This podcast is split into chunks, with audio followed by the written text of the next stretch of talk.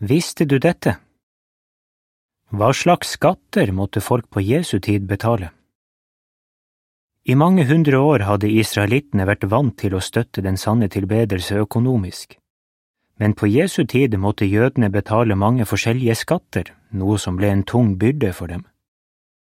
Noe av det som finansierte tilbedelsen ved tabernaklet og senere tempelet, var at alle jødiske menn var pålagt å betale en årlig skatt på en halv sekel, to drakmer. I det første århundret ble denne skatten brukt til å vedlikeholde det tempelet som Herodes hadde bygd, og til å skaffe offerdyr. Noen jøder spurte Peter om hvordan Jesus så på denne skatten, og Jesus hadde ikke noe imot å betale den. Han fortalte faktisk Peter hvordan han kunne finne en mynt til å betale skatten med. Guds folk måtte også betale tiende, noe som innebar at de måtte gi en tiendedel av avlingen eller inntekten sin. De religiøse lederne var veldig nøye med at det skulle betales tiende av hver minste ting, til og med av slike urter som mynte og dill og spisskarve. Jesus mente ikke at det var galt å gi tiende, men han avslørte den hyklerske innstillingen til de skriftlærde og fariseerne.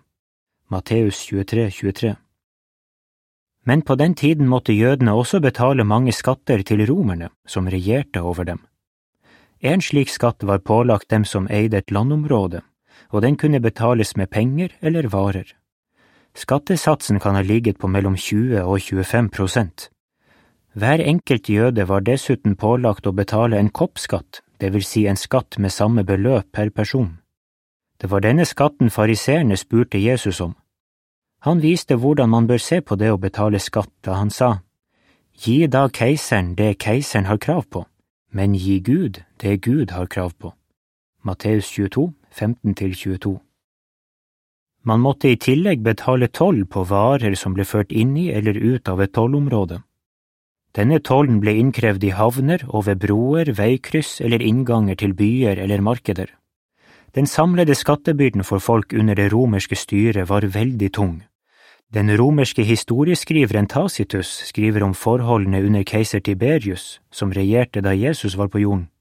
Syria og Judea, som var utmattet av tyngende skatter, ba innstendig om at disse skattene måtte settes ned. Det ble lagt en enda større byrde på folk på grunn av den måten skattene ble innkrevd på. Retten til å kreve inn skatter kunne kjøpes på auksjon og gikk til den som bød høyest. Han fikk andre til å stå for selve innkrevingen, og både han og de prøvde å skaffe seg fortjeneste ved at de krevde inn mer enn det som egentlig skulle betales i skatt. Det ser ut til at Sakkeus hadde slike skatteoppkrevere under seg. Det er ikke rart at folk mislikte dette og hadde lave tanker om dem som krevde inn skatter fra dem. Artikkelen slutter her.